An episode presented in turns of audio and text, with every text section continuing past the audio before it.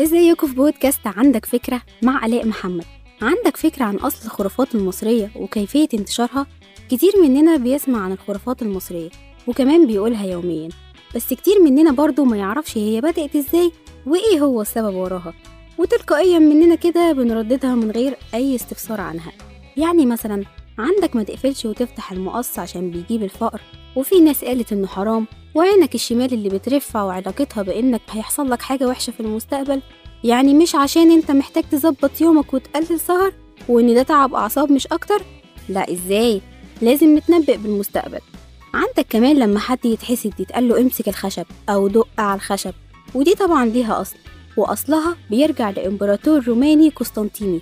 وكان المسيحيين في عهده بيمارسوا نوع كده من أنواع المباركة وهي إنهم بيمشوا في مواكب في الشارع وبيلمسوا الصليب الخشب وكان بيشترط يلمسوه ثلاث مرات وبعدها انتشرت الحركة القسطنطينية دي في كل حتة وبقت عادة بيعملها أي حد سواء بقى مسلم أو مسيحي. يمكن عشان كده كانوا ربطوها بالحسد؟ والله هي فعلا حاجة مش منطقية إننا نمسك الخشب عشان نمنع الحسد ده كلام برضه ولا الخرافة التانية اللي بنسمعها كتير بتاعة دلق القهوة خير. دي معلش يعني هو اشمعنى القهوة؟ ليه مش دلق المانجا خير مثلا؟ أو الليمون؟ وعلى رأي أحمد أمين هو الخير لازم يعني عن وجوده بدلق القهوة؟ دي حاجة غريبة جدا بجد. طب أنتوا عارفين إيه اللي ورا الجملة دي؟ القصة فيها سوء تفاهم بسيط. زمان في راجل قهوجي اسمه خير في يوم كان بيقدم قهوة لواحد ودلقها عليه. قام راجل معلي صوته وقال دلق القهوة خير وكان يقصد بيها خير القهوجي. مش الخير اللي هو الصفة والناس اتلككت وأخدوها من ساعتها واعتمدوها إن ده دلق القهوة خير. يا سلام! الناس زمان كانت بتتلكك. ومن ضمن تلكيكهم دي الخرافة اللي بتقول إن رش المية عداوة. وأصلا فكرة رش المية بدأت من زمان في الأحياء الشعبية لما كانوا بيستخدموا المية عشان يفضوا الخناقات بين الناس.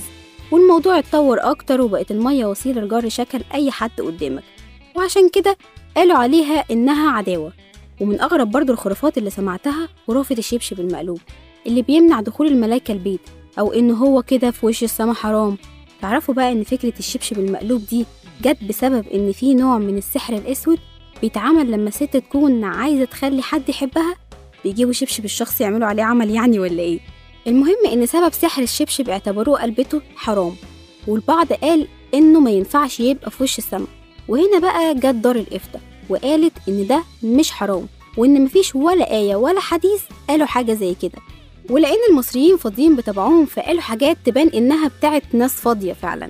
زي الكنس بالليل بيزعج الملايكة وده طبعا اعتقاد غريب من الناس إن الملايكة زيها زي البشر وإن يومها بيمشي زينا عادي وبيناموا بالليل وبيصحوا بالنهار. وده طبعا كلام فاضي ما يتصدقش.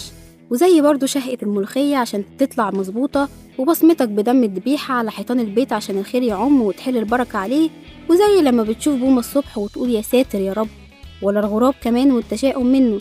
ده إحنا ظلمنا الحيوانات معانا. لا كفاية بقى. وكفاية ليه؟ نخترع كمان خرافة اقرصي صاحبتك في ركبتها عشان تحصليها في جمعتها. طب بذمتكم في واحدة قرصت صاحبتها وحصلتها فعلا في جمعتها؟ جاوبوني وحياتكم عشان عايزة أعرف. طب دي حاجات زي دي بتنتشر بين الناس بسرعة وبيصدقوها كمان. بيقولوا إن مجموعة من علماء علم النفس عملوا تجربة علمية خفيفة كده وهي إنهم جابوا أشخاص وقعدوهم في عيادة طبية وفي خلال فترة انتظارهم للدكتور بيرن الجرس فبيقوموا كلهم يقفوا ويقعدوا تاني وبعدين يخش شخص جديد عليهم فيستغربهم في البداية لحد ما تلقائيا بيلاقي نفسه بيعمل زيهم وبعد ما كل الناس بتمشي الشخص ده بيقوم ويقعد من غير أي أسباب وبعدين بيخش ناس جديدة عليه فتلقائيا برضه بيقلدوا الشخص ده. وطبعا كده بقى في تفسير للي بيحصل ده وبنعرف إزاي المعتقدات الغريبة دي بتعلم مع الناس وبتفضل مستمرة جيل ورا جيل من غير حتى ما نسأل عنها. استنوني أنا آلاء محمد في بودكاست جديد وعندك فكرة؟